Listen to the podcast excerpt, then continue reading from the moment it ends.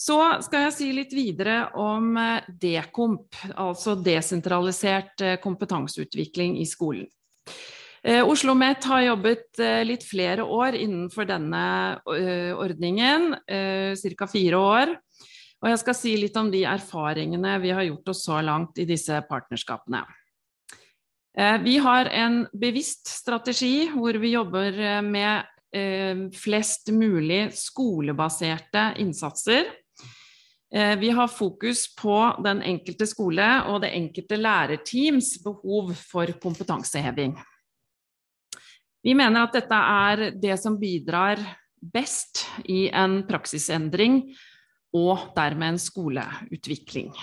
Så hvordan jobber vi eh, innenfor denne ordningen i grunnskole- og faglærerutdanningen?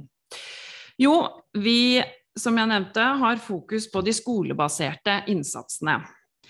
Eh, I de innsatsene så jobber våre lærerteam i eh, par på to, hvor de etablerer et samarbeid med en skole og et lærerkollegie.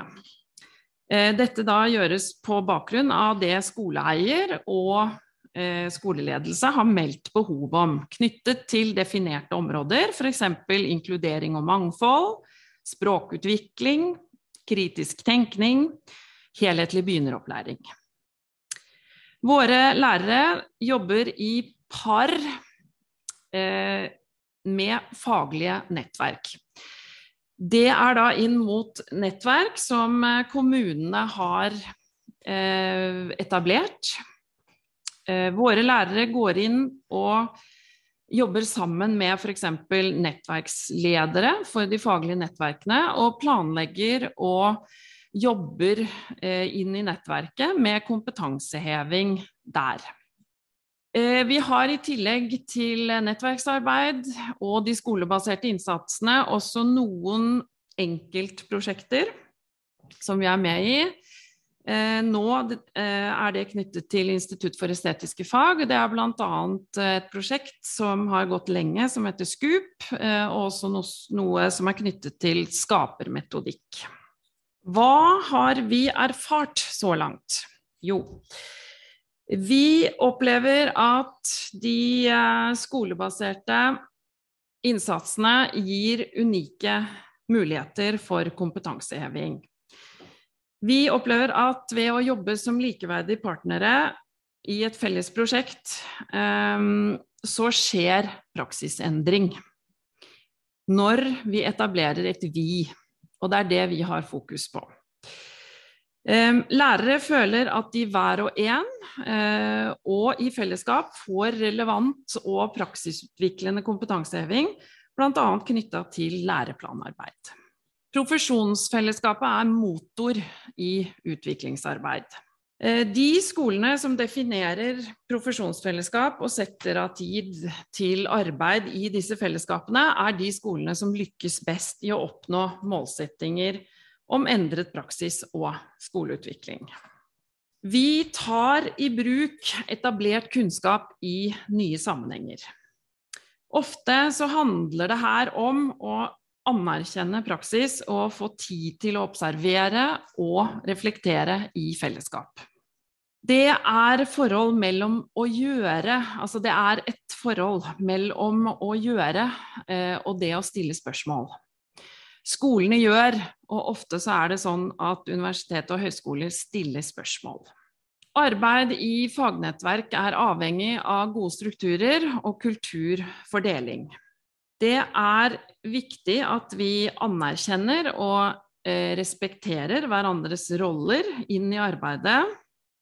Noen ganger opplever vi at det kan være friksjon, men det er, det er viktig å anse som del av disse prosessene vi jobber i.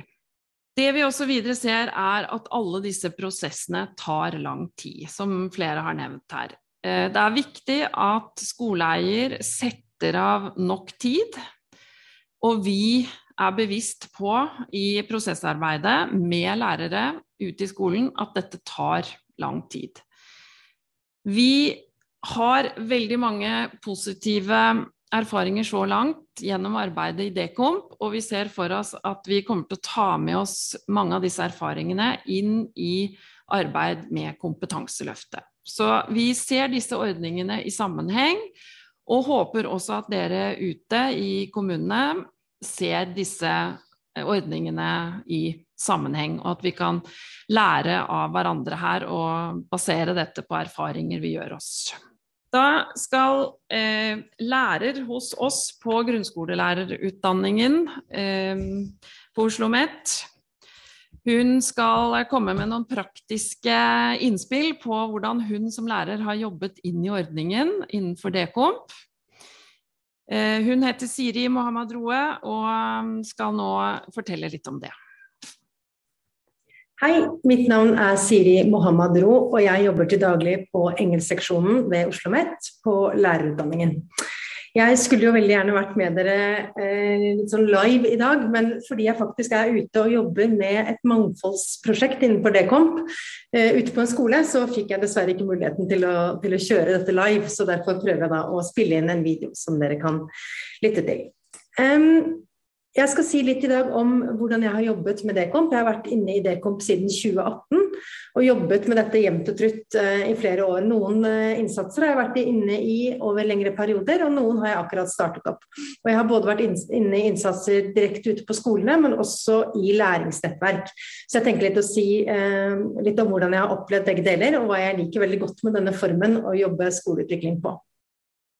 Eh, jeg begynte på Oslo OsloMet i 2017 etter mange mange år som lærer i ungdomsskolen.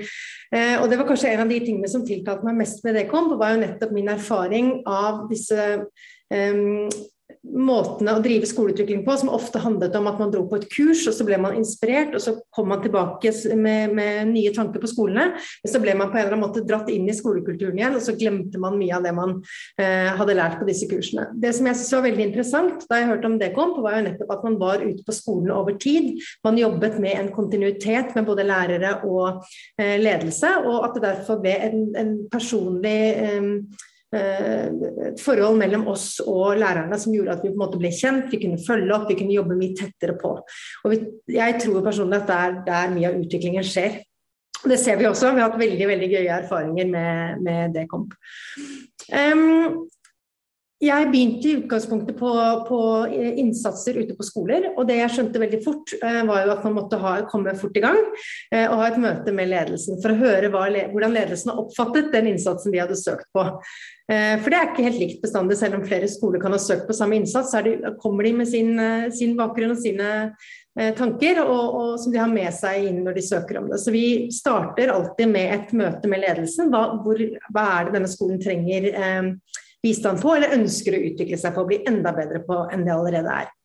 Eh, men så tenkte jeg ganske fort at for at vi skal sikre at dette her blir bra nok, så er vi nødt til å ha lærerne med på laget. Så jeg ønsker alltid å ha et møte med både ledelse og plangruppe, eller strategigruppe, eller hva man kaller det på de ulike skolene. Veldig fort, eh, tidlig i løpet, før vi på en måte starter det ordentlige arbeidet. For da får vi også en følelse av, og personalet og ledelsen er på samme om de tenker det samme om dette. Eh, og sikre på en måte at det er en helhet. Og Plangruppa blir også på en måte våre følere ute i personalet når vi begynner å jobbe. Hvordan snakkes innsatsen om på lærerværelset? Hva syns lærerne om dette her? Vi er superavhengig av å få direkte og ærlig tilbakemelding fra lærerne. For hvis ikke lærerne finner det vi driver meningsfullt, så får vi heller ikke til noen endringer. Eh, så plangruppa blir på en måte vår lille gjeng som vi jobber veldig veldig tett opp med sammen med ledelsen. Og Jeg ønsker jo ofte å ha plangruppa med på flest mulig eh, av disse um, møtene vi har da gjennom året. Det vi ofte har startet med, etter da å ha hatt først et møte med ledelse, så ledelse og plangruppe, er ofte at vi starter med en litt sånn inspirasjonsworkshop, hvor vi får muligheten til å presentere oss og møte personalet. Og vi får følerne litt ute i personalet eh, og får muligheten til å bli kjent. Og vi ønsker jo at lærerne skal oppleve dette som nevnyttig, at det skal være en god blanding av den teoretiske tyngden som vi har med oss, Uh, forhåpentligvis. Og, og, den rent sånn praktiske, hva gjør jeg med denne teorien i mitt klasserom.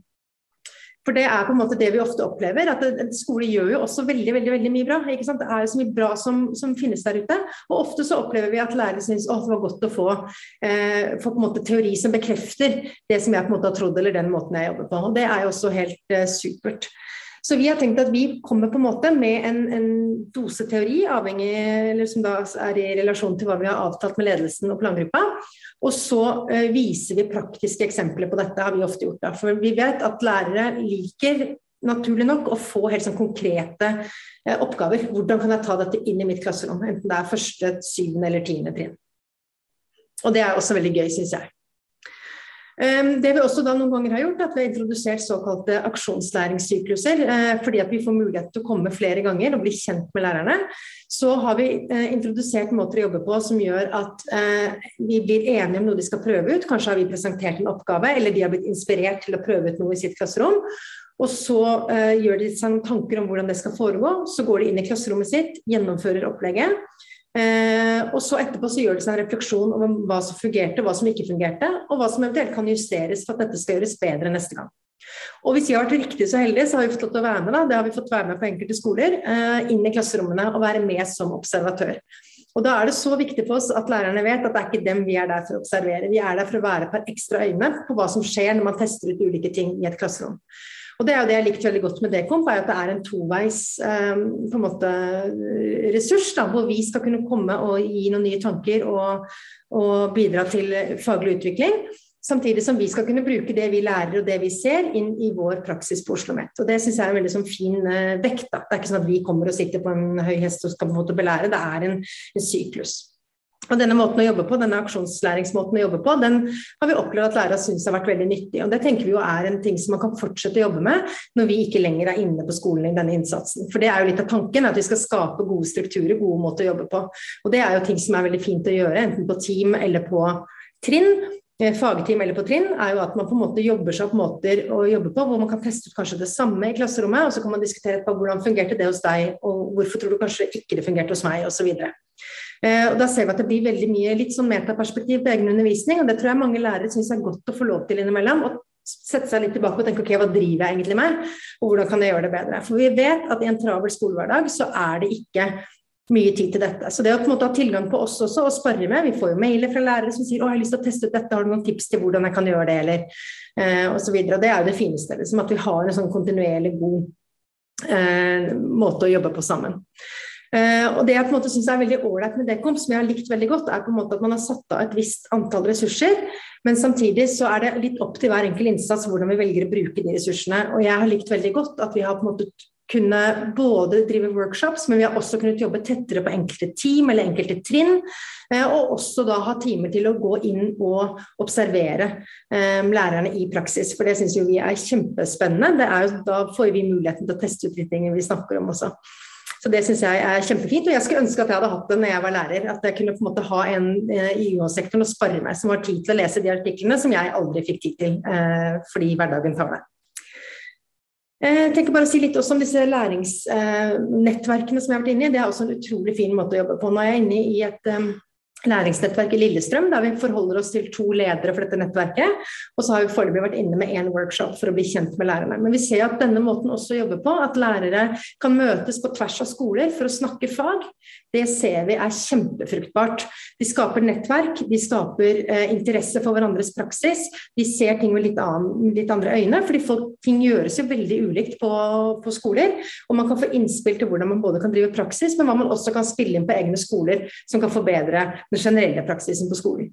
Så jeg opplever at det å jobbe med læringsnettverk også er en sånn supereffektiv måte eh, å skape engasjement for engelskfaget, som jeg hovedsakelig har jobbet med. Jeg jobber også inn mot mer pedagogikk og mangfold. Um, men, men å, se på en måte at de, de, knytter disse nettverkene og tar kontakt med hverandre utenom og spør hvordan gjorde du det igjen, og hva tenker du om det og sånn. Og der skal vi også inn i en sånn um, aksjonslæringsmåte å jobbe på. Det blir kjempespennende at de snakker om hvordan de klarte å gjennomføre disse ulikt på de ulike skolene. Så alt i må jeg si at Dekomp er virkelig noe av det morsomste jeg gjør. Eh, det er så gøy å få lov til å bli kjent med så mange ulike skoler og så mange ulike praksiser. Um, og jeg håper jo at vi kommer til å fortsette med dette lenge, så jeg fortsatt kan få være med på det. Så da håper jeg dere får et fint seminar videre, og så er det bare å ta kontakt med meg. Jeg heter Siri Mohammad Ro og er da på Oslo OsloMet. Det er bare å ta kontakt hvis det er noe dere lurer på. Takk for meg. Takk til uh, Siri der. Uh, jeg har lyst til å legge til bare her at Kompetanseløftet også selvfølgelig gjelder for barnehage. Jeg tror jeg glemte å nevne det. Ja. Videre så har jeg blitt bedt om å utdype dette eh, begrepet jeg brukte, dialogisk forhandling. Um, og jeg har lyst til å si at uh, dette gjelder først og fremst i forhold til de innledende rundene her, når vi etablerer partnerskapene. Vi opplever at vi egentlig må gå inn i forhandlinger, fordi det ligger en del forventninger knytta til nettopp rollen som UH har inn i disse partnerskapene. Og det er det vi mener med at vi går inn i en forhandlingsrunde, men vi ønsker at den skal være i dialog, sånn at partnerskapet skal bli etablert likeverdig, rett og slett. Um, og så uh, er det jo sånn at det underveis egentlig blir reforhandlinger her. Det gjør det nesten alltid. Det ser vi allerede nå. At vi må ta det også med i de innledende rundene. At vi er åpne for at vi må forhandle mellom oss i dette partnerskapet. Mitt navn er altså Ina Ise. Eh, jeg er studieleder ved Institutt for yrkesfag lærerutdanningen med ansvar for master i yrkespedagogikk, eh, og også kompetansesenteret, eh, som inkluderer oppdragsstudier da, på Dekomp-Y. Og jeg har da fått eh, sjansen i dag til å si noen ord om, om Dekomp-Y. Og Dekomp-Y er jo da altså desentralisert ordning for, for kompetanseutvikling innen yrkesfag.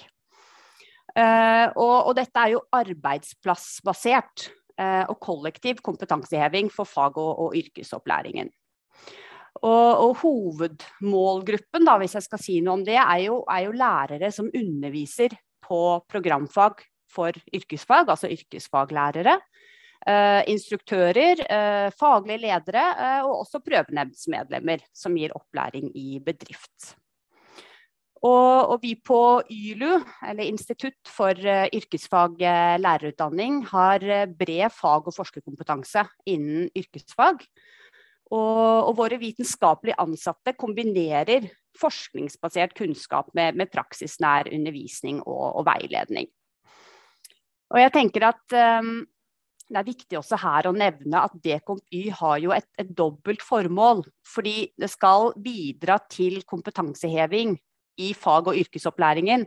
Men samtidig så skal det også da bringe erfaringsbasert kunnskap fra praksisfeltet tilbake til oss, altså tilbake til universitet og, og høyskoler. Og Det tenker jeg også gjenspeiles veldig i måten vi jobber på. Eh, fordi det som skjer er jo at først og fremst så må jo skoleeierne gjennomføre en god kartlegging av, av kompetansebehov som trengs. Uh, og så må skoleledere og, og, lærere ved den enkelte skolen være involvert i denne prosessen.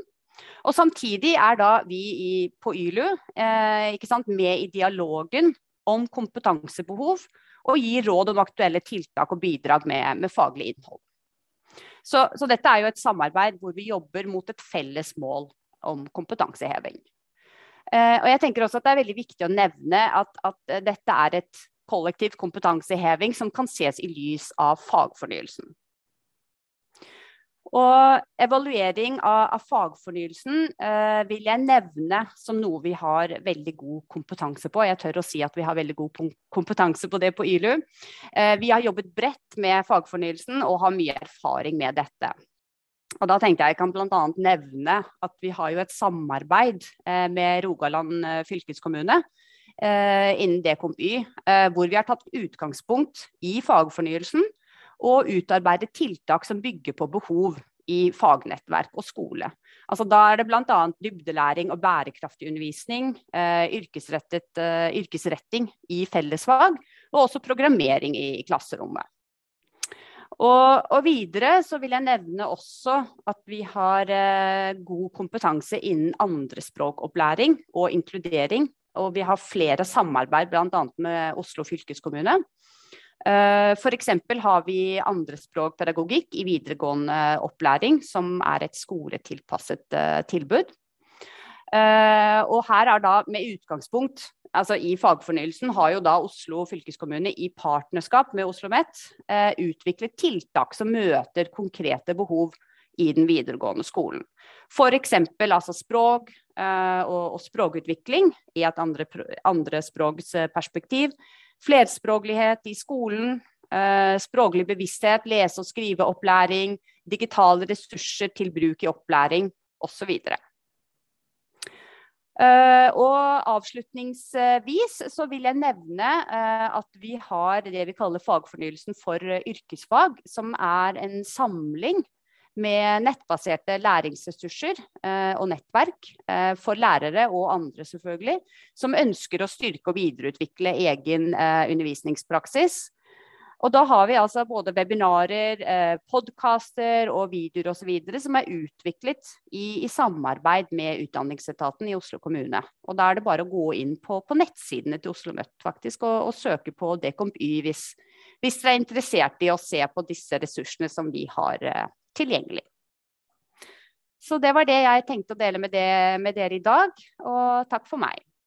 Tatjana heter jeg, og jeg kommer fra ILU, altså fra Institutt for uh, yrkesfaglærerutdanninga, og representerer uh, både norskavdelingen der, men også uh, det flerspråklige mennesket, eller det fler flerkulturelle mennesket, som vi har i fokus gjennom dette tilbudet som vi har for forskjellige videregående skoler i Oslo.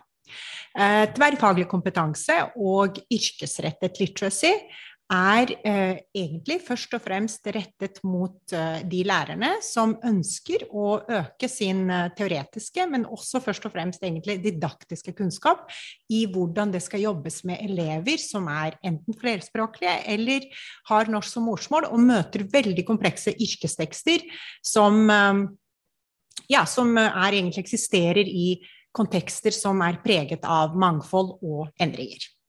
Så hvordan gjør vi dette? Eh, vi har som sagt en liten teoretisk innføring når vi er på besøk på disse skolene. Og de er etterfulgt av praktiske utprøvinger. Noe som lærerne selv sier er mest interessert i, og det er de konkrete verktøyene og didaktiske strategiene som de ønsker å ta i bruk. Eh, selvfølgelig, dette er eh, i pedagog pedagogikkens verden, som vi vet, trinn to. Eh, fordi disse lærerne, som egentlig ikke er språklærere, bør først få økt bevissthet og kunnskap om hva språk og literacy og kommunikasjon egentlig går ut på. Og literacy er et veldig bredt begrep. Det handler ikke bare om språk, det handler om mer enn norsk som første og andre språk. Det handler om tekstkunnskap, og det handler om uh, muntlig kommunikasjon, flerkulturell kommunikasjon, eh, bruk av digitale verktøy, men også kritisk og analytisk tenkning. Så når disse lærerne har fått større innsikt i hvordan de selv kan møte et språklig system, så går vi videre til de didaktiske strategiene som fører til større og bedre språkutvikling både hos lærerne og deres elever. Og da er det egentlig en del av den større utviklingen av de såkalte generiske ferdighetene, som er eh, i tillegg på en måte til de fagspesifikke som yrkesfaglærerne er vant til å jobbe med.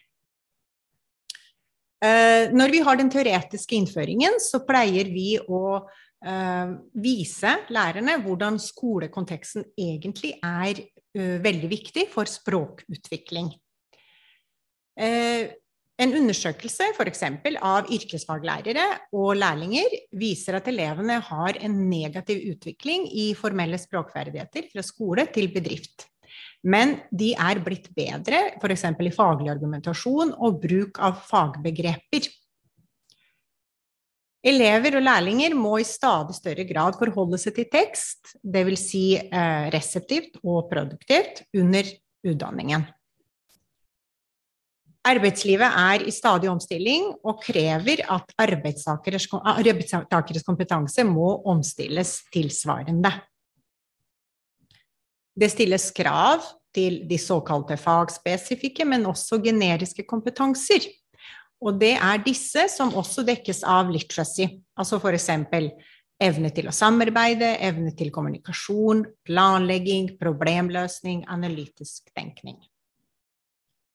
Det stilles også krav til informasjonsinnhenting, teksttolking, dokumentasjon og rapportering. Å være eksplisitt og tydelig på at lærere også ser på språket, kan selvfølgelig skjerpe elevenes arbeid med språk. Og dette er noe vi ønsker å vise til lærerne som jobber på videregående skoler med ordinær fagopplæring. Det vil si at lærere også skal fungere som språklærere og um, undervise både i det faget og i de analytiske uh, verktøyene. En annen del av den teoretiske innføringen er jo selvfølgelig informasjon og kunnskap om hva andrespråksundervisning går ut på.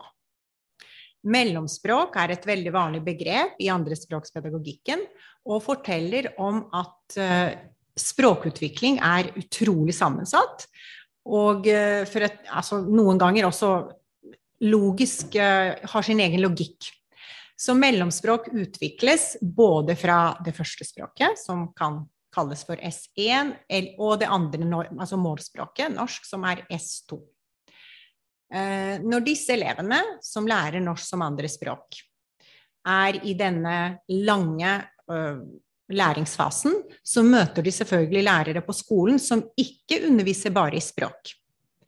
Når lærere som ikke er språklærere, jobber systematisk med både innhold og form i sitt eget fag, så er det faktisk bevist at det fører til bedre språkutvikling og bedre resultater i generell utdanning. Derfor forteller vi til disse lærerne på skolen at kontinuerlige tilbakemeldinger og veiledninger er svært viktige, og at de faktisk gir resultater. Så det vi presenterer også litt mer praktisk, er hvordan lærerne kan arbeide med faglige tekster, altså med tekster som de forbereder sine, for sine egne elever og klasserom, og hvordan de kan lese eller skrive om dem på forhånd mens de forbereder undervisningen. Og da er vi selvfølgelig veldig avhengige av å vise at hver tekst viser også hvor komplekst språk som et system er. Og det består av flere nivåer som vi kaller for mikro, meso og makro. Og disse omhandler både ord og ordgrupper, altså uttrykk. Og så går uh, det gås videre til setninger, avsnitt, og avsluttes med tekst og selvfølgelig kontekst og diskurs. Læreren må inneha altså både fagspesifikk og generisk språkkompetanse, minnes de på. Og dette skjer for at de skal kunne se elevenes utfordringer når de møter disse komplekse, komplekse tekstene, men også for å kunne veilede og utvikle elevenes språkkompetanse. Så hvordan gjør vi det helt praktisk? Det handler egentlig om en veldig funksjonell og lite tradisjonell og strukturell tilnærming til tekst. Det vil si, vi forventer ikke at disse lærerne skal kunne veldig mye om den tradisjonelle grammatikken. Vi viser dem selv hvordan disse nivåene eksisterer i en fagtekst. Hvis vi, tar, eh, hvis vi viser dem et eksempel, altså fra en Her ser dere egentlig et utdrag fra en uh, bok uh, på VG1 som brukes på VG1 i blomster, frisør og interiørdesign, som er abstrakt, kompleks og inneholder alle disse nivåene. Uh, da kan vi som eh, veiledere presentere først hva det kan rettes oppmerksomhet mot. Og deretter får lærerne selv eh, Altså de, de, de, fungerer først som lesere selv, og deretter som pedagoger etter å ha fått egentlig disse didaktiske og helt konkrete verktøyene. Og disse verktøyene egentlig handler om hvordan elevenes oppmerksomhet kan føres videre til disse språktrekkene. Eh, avslutningsvis så kan lærerne enten prøve seg på disse tekstene, eller ta med seg sine egne fra sitt eget fag, og eh, vise oss hvordan de selv fungerer som lesere og skrivere, og hvordan de ville gjort det i sine egne klasserom. Eh, dette gjør vi selvfølgelig fordi eh, den språklige siden av arbeidet Eh, bør være integrert i den ordinære fagopplæringen. Og vi vil også den aktive deltakelsen i det komplekse tekstuniverset også skal bidra til større profesjonalitet, og at lærerne som ikke underviser i språk, som sagt, skal også ha samme forhold til språk som de har til sitt faglige verktøy.